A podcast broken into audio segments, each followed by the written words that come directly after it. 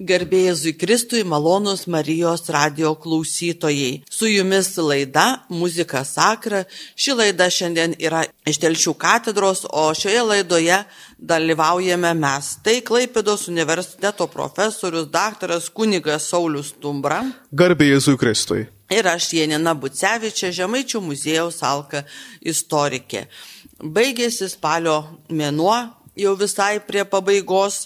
Ir štai šį šeštadienį tikriausiai daugelis iš jūsų skubėsite į kapines, sutvarkyti, paruošti savo artimųjų kapus visų šventųjų šventėjai. Vėlinių oktavai. Taigi ir mūsų laida negali aplenkti šitos svarbios datos, lapkričio pirmos, antros ir paskui viso aštundienio. Ir šiandien mes irgi kalbėsime apie gyvenimą ir mirtį, kur yra sudėtinė visų mūsų dalis. Na, o krikščioniškoji mūsų tradicijoje mirtis yra apgaubta sakralumo šidu, kurį suformavo šermenų ir laidotuvių tradicijas, kupinas vilties, prisikėlimo ir taip pat kiekvieną lapkričio pirmą ir kitom dienom prisimindami mirusiuosius, vis tik tai mes juos prisimenam, manau, šviesiai, kupini vilties, kupini to būsimo susitikimo. Taigi, kadangi šiandien mūsų laida muzika sakra, tai žinoma kalbėsime apie gesmes, bet vis tik tai pirmiausiai aš noriu ir paklausti, gerbiamo kunigo Sauliaus, kuo skiriasi visų šventųjų ir vėlinių diena?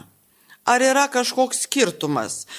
Na, juk visi mūsų mirusieji yra šventi, ar galbūt aš klystu ir kodėl yra tos dvi dienos bažnyčioje skirtos?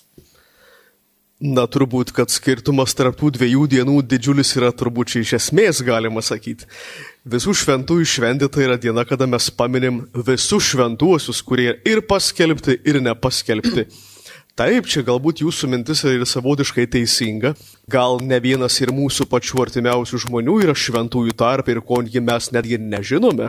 Ir kas nėra oficialiai bažnyčios paskelbta, dėl to tokia diena ir yra. Pavadinkim triumfuojančios bažnyčios šventė, kada mes iškilmingai su glorija, su tikėjimu išpažimu žvelgiam į tą dangaus grožį, kuriame galbūt yra daugybė žinomų ir daugybė nežinomų šventųjų kurie jokiuose sąrašuose nefigūruoja, bet yra viešpaties artumoji.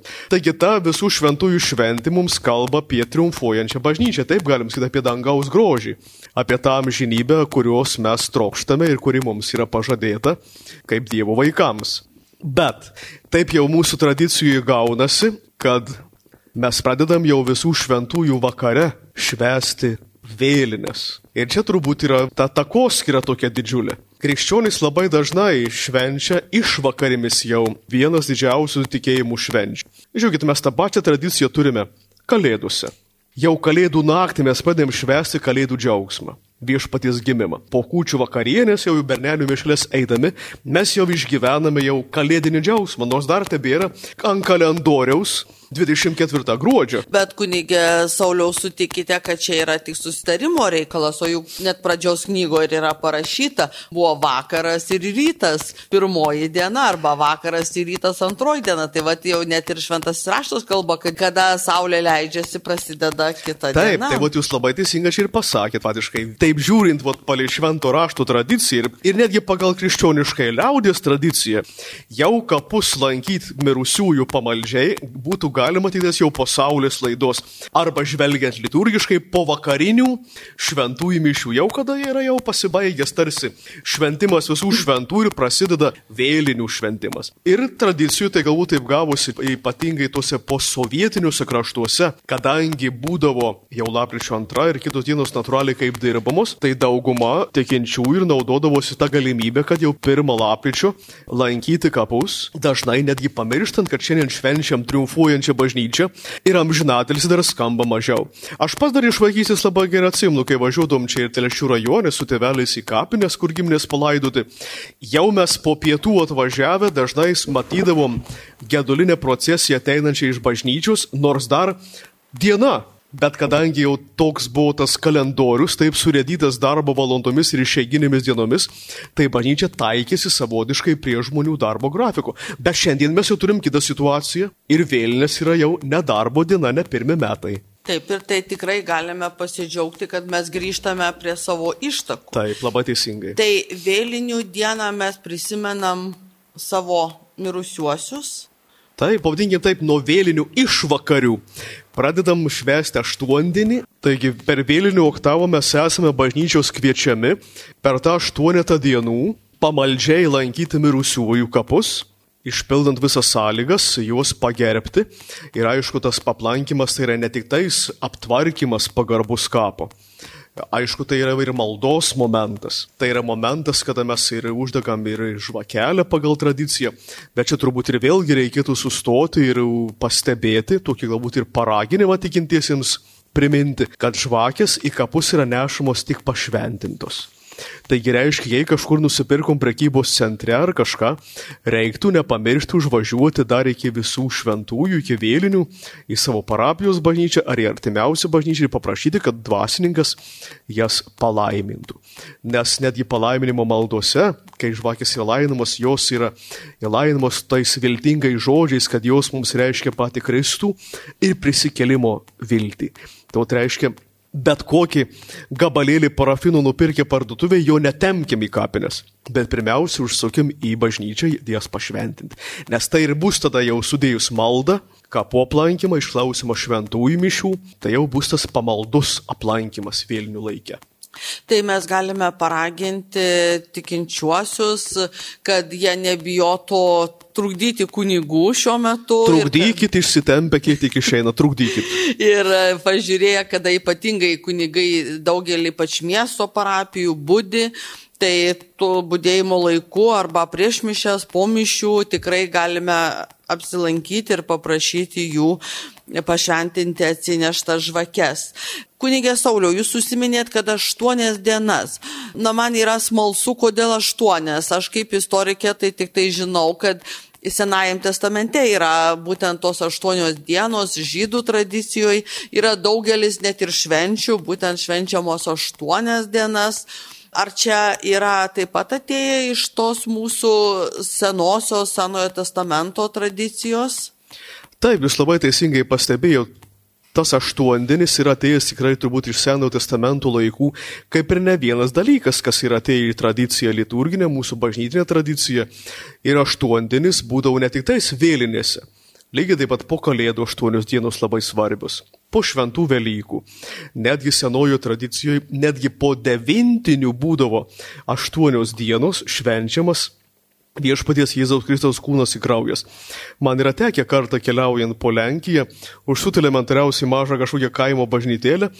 Tai buvo laikas po devintinių iškilmės ir mačiau labai gražiai, kaip einama procesija kiekvieną vakarą po vakaro mišių, dalyvaujant vaikams, tai toliau. Tai kaip ir dar kartą pasakymas, kad krikščioniškoje toj liturginiai mūsų tradicijoje aštuonios dienos yra ne tik nuo vėlinių, bet ir po daugelio kitų didesnių švenčių, tarsi priminimas, kad duodama daugiau laiko, kad tą viską būtų galima išgyventi turiningiau nuo vėlinių laikų labai patogu. Jeigu kapai tolėliau ar kažką, kad nereikėtų per vieną dieną viską laksyti. Aštuonios dienos tam pamaldžiam kapų aplankymui skirtus. Tai galime irgi paraginti žmonės, kad nebūtina per vieną dieną aplankyti visų artimųjų kapus, tai galime daryti ir dvi, ir tris dienas, ir net visas aštuonias.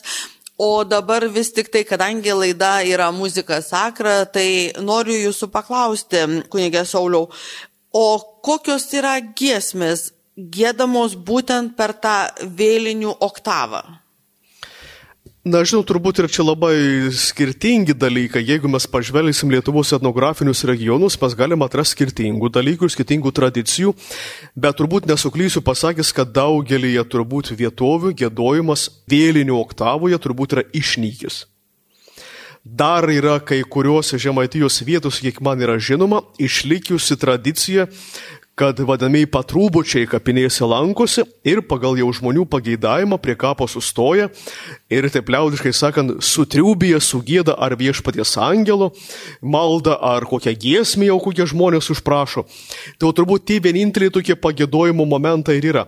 Na aišku, nebent kažkur, kur yra kapinėse koplyčius veikiančius, ten galbūt ir kalnai gėdami, ar kitose Lietuvos darysi gal ir gėdamasis rožandžius užmirusiuosius, bet turbūt individualiai prie kapo sustoja 99, ko gero 9,9 procentų tikinčiųjų jau negėda prie kapų.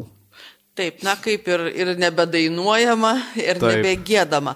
O va štai bažnyčioj. Nu, Ar bažnyčiai yra tai yra nat natūralus, sakysim, kad yra, sakysim, tai yra gedulinės mišios aukojamos, kuriuose yra ta viltinga gedulo nuotaika. Ir aišku, giesmės yra tos, kurios atitinka liturgiją, bet jeigu mes atsiverstume ir tą patį liturginį maldyną, tai mes atrastume be galo daug giesmių, kurios yra skirtos ne tik tais būtent va, tai vėlinių dienai ir vėlinių oktavai, bet ir bendrai maldoms užmirusiuosius. Ir jų netgi tematikų yra labai įvairių. Bet gal mes prieš nekant toliau kokią giesmę paklausykim ir toliau apie giesmės pratesim.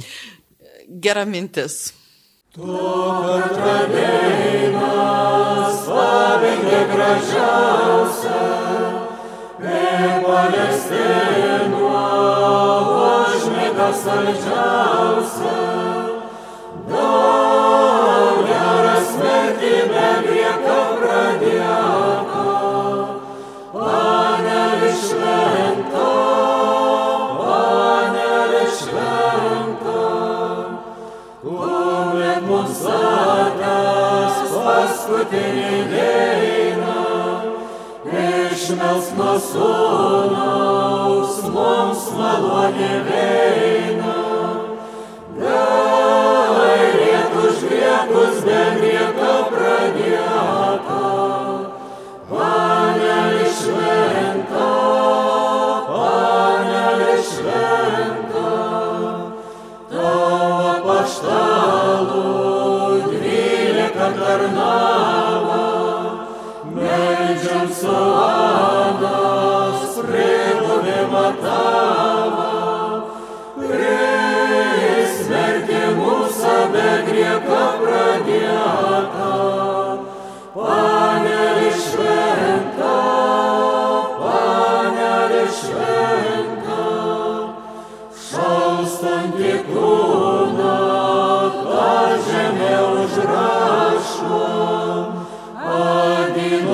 verti, vien to duše prašom.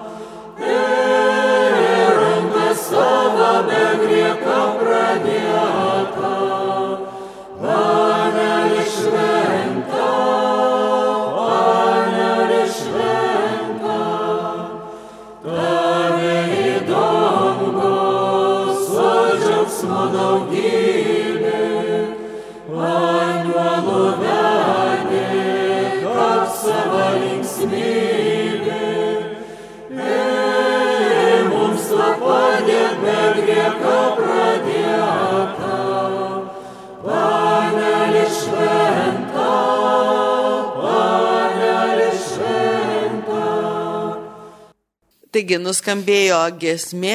Tai kokios giesmės galbūt irgi dažniausiai skamba bažnyčiose? Ar yra kažkokios numatytos liturginės giesmės? Ar čia jau yra choro ir klebono susitarimas? Turbūt ir taip, ir taip. Turbūt pagrindinė giesmė arba netgi himnas, kurį būtų galime pavadinti vėlinių oktavos, kaip ir ženklų, tai yra rūščia diena. Nes ta giesmė himnas yra gėdama ir per tą gedulinę procesiją, tarpuose tarp sustojimų, kurie yra penki toje gedulinėje procesijoje. Tai, sakyčiau, tai yra tarsi simboliškiausia ir tokia gražiausia ta giesmė, kuri būtent yra gėdama vot, jau nuo vėlinių vakaro išvakarių visą aštuondienį keturinėse procesijose. Ir bendrai turbūt yra šermenų tradicijų ir laidų tradicijų ta giesmė turi savo vietą, nes yra taip pat labai iškalbingas tekstas. Šalia tos giesmės mes aišku rasim daugybę kitų giesmių, kurias siūlo ir liturginis maldynas, bet e, čia galbūt mes išgyvenam jau kitą dalyką, kad labai dažnai tos tradicinės giesmės tarsi ir pamirštamos, nepabijosiu to pasakyti.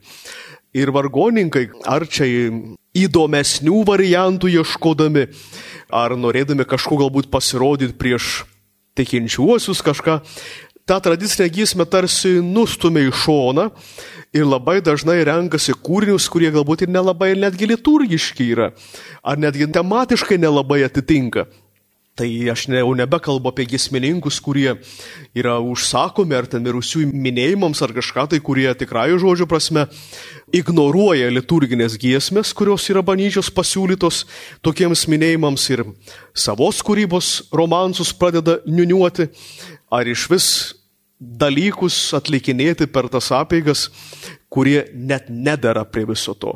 Nes jūs, kaip ir teisingai pasakėt nuo pat laidos pradžios, visi dalykai, kuriuos mes atliekame prie savo mirusiųjų, ar tai būtų kapų lankymas, ar bet koks mirusiųjų minėjimas, jisai turi turėti viltį ir tą prisikėlimo žvilgsnį, tas, kusim, tą dangaus troškimą. Taip, galbūt kartais pagraudenantis į žmogus, kusim, galbūt verčiantis susimastyti apie tai, kad tu pamastyk apie gyvenimą, kad kiekvienam gyvenimo rezultatas pabaiga yra mirtis, bet laukiam žinybė, bet vis, kad ir priminimas to momento išeimo, bet viltingas priminimas. Tuo tai yra labai turbūt svarbu niekada nepamiršti ir tuose gėdojimuose muzikams, vargonininkams būdėti, kad ta viltis būtų išsaugojama, kad mes neįtume su neviltim ar vien tik tai su graudžiom ašarom.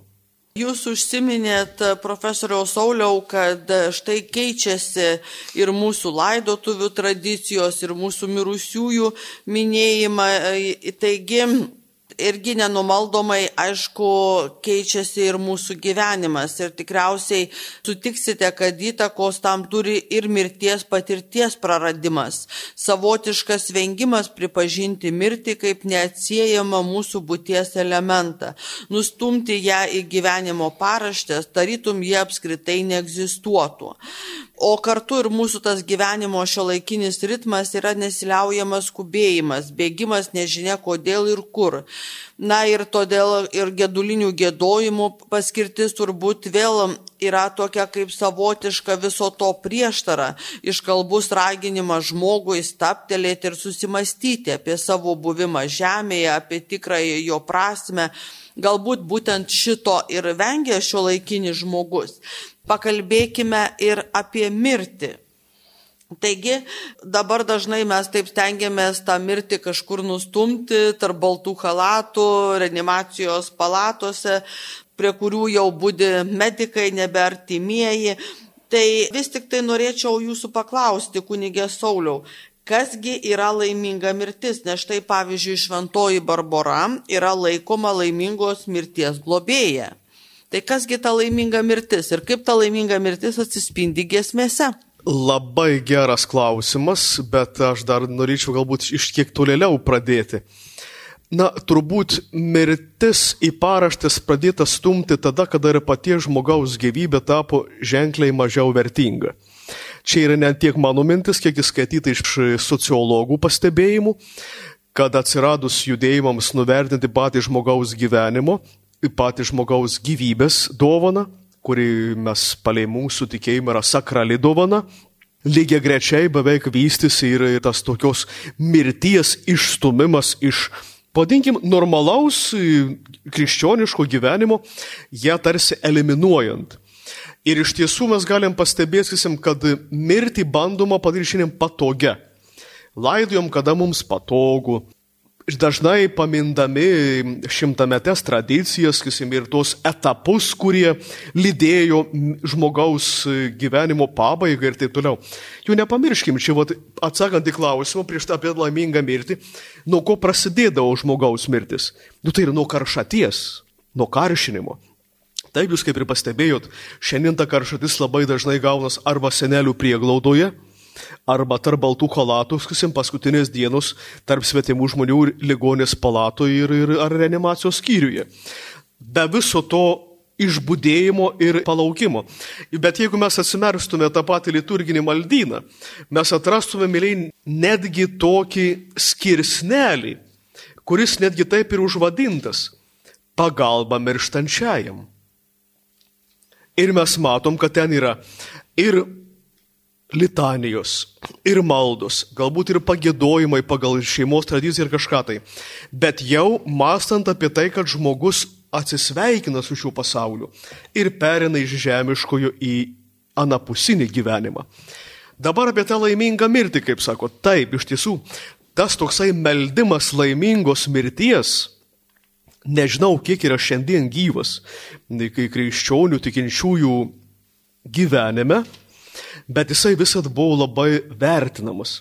Jūs štai paminėjot šventąją Barborą, kuri, kaip sako, kaip tokia patronka arba globėja yra to dalyko, bet yra taip pat liaudė žinomas ir šventas Juozapas kaip laimingos mirties globėjas. Švenčiausia mergelė Marija. Taip, nepamirškim ir pirmųjų mėnesio penktadienį, kada švenčiausių Jėzaus širdis minima yra, kada raginama devynis mėnesius pamaldžiant likti išpažinti, dalyvauti mišiuose, melžiant lygiai to paties laimingos mirties. Taigi dabar jau atsakant į tą klausimą, kas yra laiminga mirtis? Visų pirma tai, kad nestaigi mirtis. Ne tai, kad ėjau, kritau ir žmogaus nebėra. Atsiguliau, užmigau ir žmogaus nebėra. Mūsųse labai dažnai tai yra laikoma laiminga mirtimi. Nors, reiškia, žmogus nespėjo nei, kaip sakant, pasikaršinti, nei galbūt atsiprašyti, nei galbūt žemiškų ir dvasinių testamentų susirašyti atlikti ligorių sakramentą priimti, viatiką priimti. Tai čia tai būtų laiminga mirtis, kad visą tai spėjau padaryti.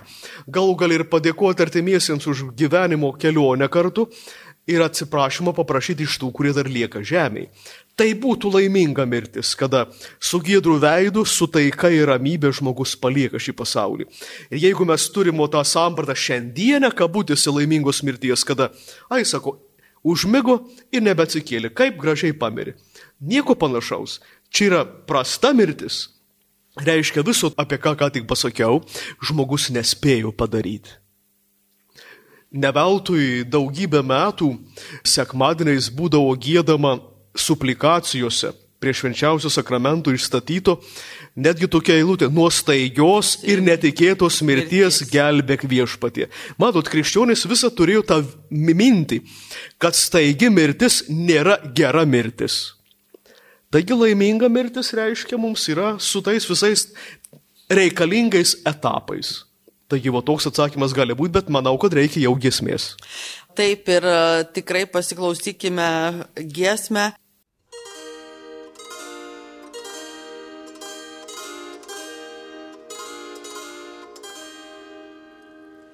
Wyczyściał słownie skarsztynas,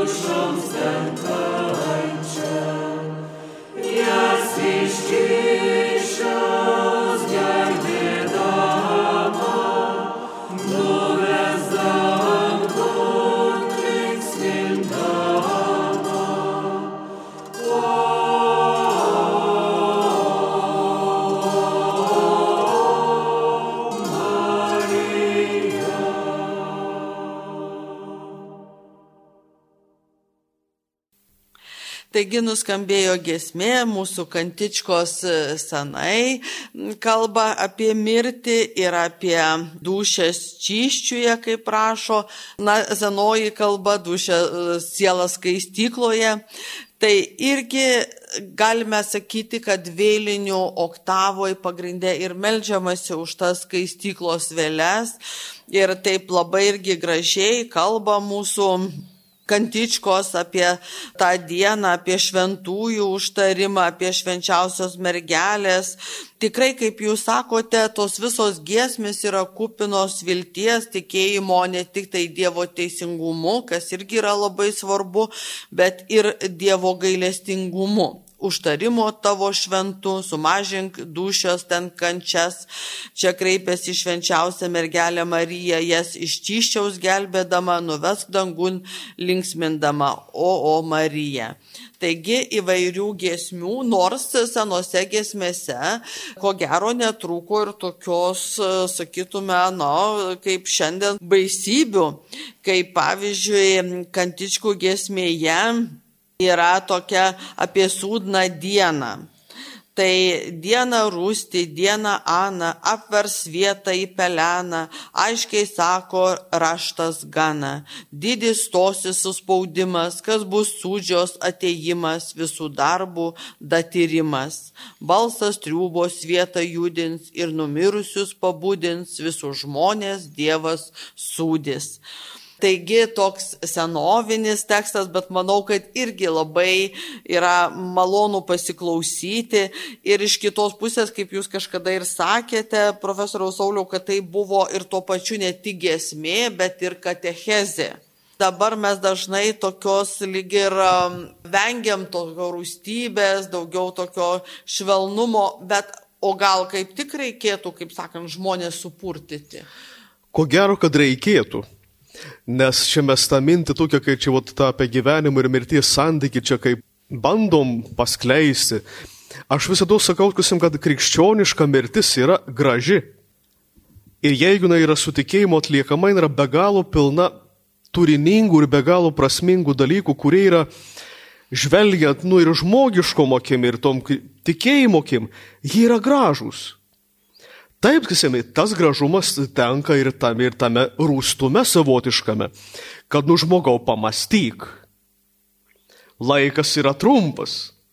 Ir tu nežinai, kai aš kartais, ne tai kad juokaudamas, bet tai taip šaržuodamas savotiškai kartais sakau, štai išvažiuojam į kapinės laidotuvį dieną, nežinom ar visi grįšim. Nežinom. Taip. Taip. Nežinom to. Be abejo. Tai o tai tas laikas iš tiesų yra labai be galo bėgantis ir žmogui turbūt kuo labiau jis yra skubantis, tuo labiau reikia to tokio priminimo, kad reikia pamastyti apie laiko svorį, laiko prasme. Jau žiūrėkit, netgi mes atsiverti kokią lėto knygą mes rasim priminimą, kad viskam yra laikas. Yra laikas verkti, yra laikas juoktis.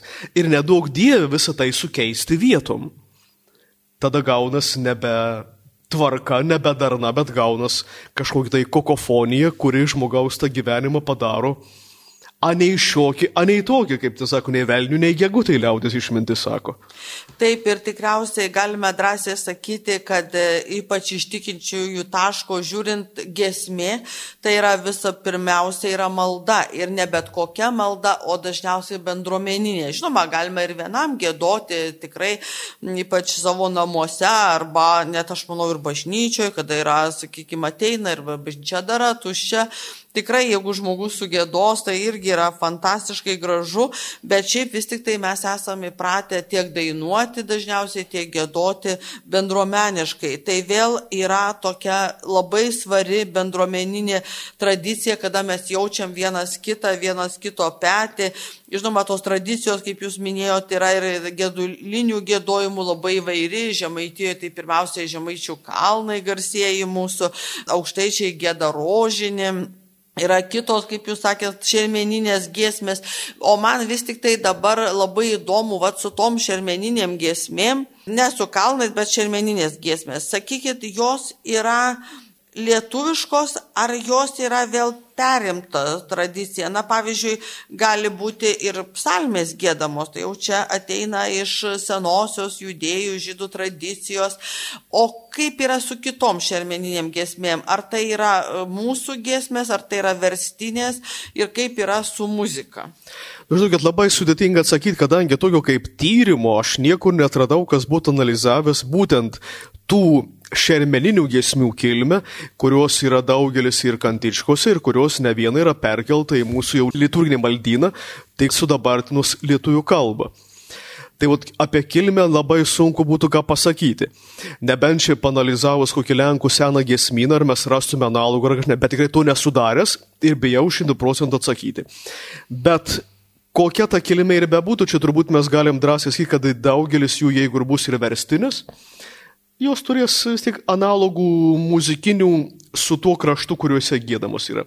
Vienas variantas būtų turbūt tokioje Lenkijoje ar kitoje šalyje, pas mus vis tiek mus bus kitas muzikinis garsailis, kadangi ir ta liaudiškoji melodika, jinai yra kitokia.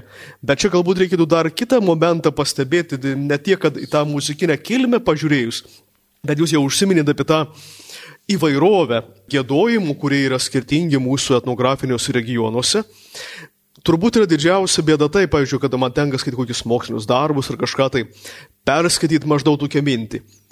Buvo. Buvo. Viena ar kita tradicija buvo. Turbūt tai yra pats bjauriausias dalykas, kurį galima paskaityti, kad tradicija yra buvusi, bet šiandien jau yra išnykusi. Čia galbūt yra klausimas ir visiems jau mums, kaip bažnyčios nariams, kodėl tradicijos nyksta. Ar jos nebeprakalbina, ar prarandam ir to žmonės, kurie neperdavė tradicijos ir mes jos nebeturim. Ar paprasčiausiai, vėl kaip ir sakiau, mes renkamės paprastesnį būdą, kaip tuos šermeninius reikalus, visus gedulinius reikalus, kaip atlikti. Ir man kažkodėl tai peršasi mintis, kad dažniausiai mes pasirenkam tą antrąjį variantą, kaip patogiau, greičiau ir taip toliau. Gal ne taip graudinant, kaip kai kas sako ar kažką. Nu, žmogus dabar ieško labai patogių dalykų, kad ašarėlių mažiau, kad būtų linksmiau, netgi per laidutuvės ir tada, kada man patogu. Tai mes galbūt jau Lietuvo tik tais pradedam jausti visą tai, kas yra dideliai daly vakarų pasaulio, jau netgi yra kaip ir norma, kad ir po mėnesį po mirties laidojam ar kažką, tai, tai mes dar vis tik stengiamės, kiek įmanoma greičiau savo mirusiuosius pagerbti ir juos palikti amžinam laukimui paskutinės dienos, taip netidėliojant, bet vis dėlto turim pastebėti, kad tai keičiasi. Bet ar reikėtų su tuo susitaikyti, čia turbūt yra pagadinis klausimas. Aš manau, kad ne. Nes tai yra taip pat tikėjimo liudijimas ir tiems patiems tikintiesiems, kurie visą tai atlieka, ir šermenų tradicijų, ir gedėjimai ir taip toliau, duoda labai daug tokių ramybės. Tenka ne vieną kartą dabar girdėti ir iš tikinčiųjų tokį kaip nuogastavimą savotiškai. Ypatingai apie tą pandeminį laikotarpį, kai buvo draudžiama būdėti prie mirusiųjų, kai buvo draudžiama maldoj gėduoti ir kažką, netgi tinkamai palaidoti. Tokį jaudulį ir graužą iki šiai dienai, ar tinkamai palaidoju ar tinkama ta pagarba buvo parodyta tiems mirusiesiems. Ir dažnas nešiojasi va tokį va skaudulį širdį, kad ne taip padarė, kaip reikėjo padaryti. Juk būkim realistai, per tą laiką juk mirė ir mamos, ir tėčiai, ir vaikai mirė, ir natūralu, kad tas toksai jaudulys, kad netinkamai palaidotas yra, be pagarbos tinkamos, be maldos, žmonėms po šiai dienai turi tokį skaudulį ir kuris iš, dar yra išlikęs iki šių dienų?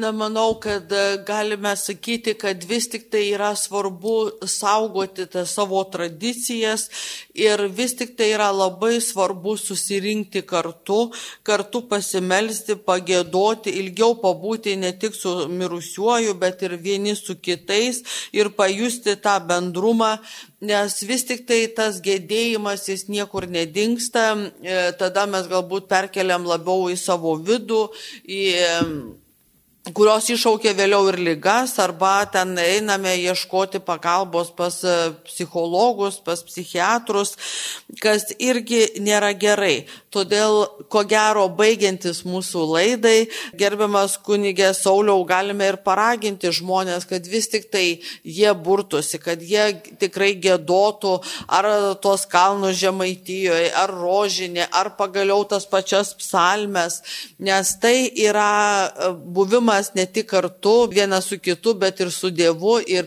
visa tai teikia vilties kad šis gyvenimas jisai nesibaigia mirtimi. Ir tikriausiai labai gražu yra, kada per va tą visų šventųjų vėlinių aštundienį mes susitinkam ir gyvieji, ir mirusieji, galima sakyti, visi kartu, gal negali, aišku, negalim jų apkabinti, bet tikrai galime juos prisiminti ir tikriausiai dvasioje juos pajusti. Labai teisingai pasakėte, aš visą tikinčiuosius raginu, kad sustoję prie kapo, ypatingai mažiesiems papasakokit, kas čia ilsis. Ko išmokot iš savo ar tėvelių, ar mamytės, ar močiutės, ar senelių, ar kitų artimųjų. Kodėl tas kapas yra brangus, kuo tas žmogus buvo brangus gyvenime. Taip, tiesdami tuos tiltus tarp kartų, tarp giminių ir taip toliau, tarp laiko galėtume sakyti, tarp gyvųjų ir mirusiųjų. Ir aišku, jeigu tai yra pašventinta ir malda, ir, ir buvimu kartu, tai visada suteikia kitokią spalvą tam lankymui. Tad ir noriu palinkėti iš tiesų, užbaigiant mūsų šią laidą, bandėjams tikintiesiems nuo visų šventų vakaro iki pat oktavos pabaigos, aštuondienio pabaigos, maldingai atminti savo mirusiuosius. Nepamirš šventų mišių ir patiems apie gyvenimą mirti pamastyti. O jei kažkur parapijoje išgirsit kvietimą ar kryžiaus kelią apmastyti, ar žemaitėjų kalvarijos kalnų sugėduoti, ar rožinį kažkur sugėduoti, jungitės į tą bendrystę. Nes bendroji maldoji išgėdotas tas skausmas galbūt netekties, jisai visada nusidažys vilties spalva.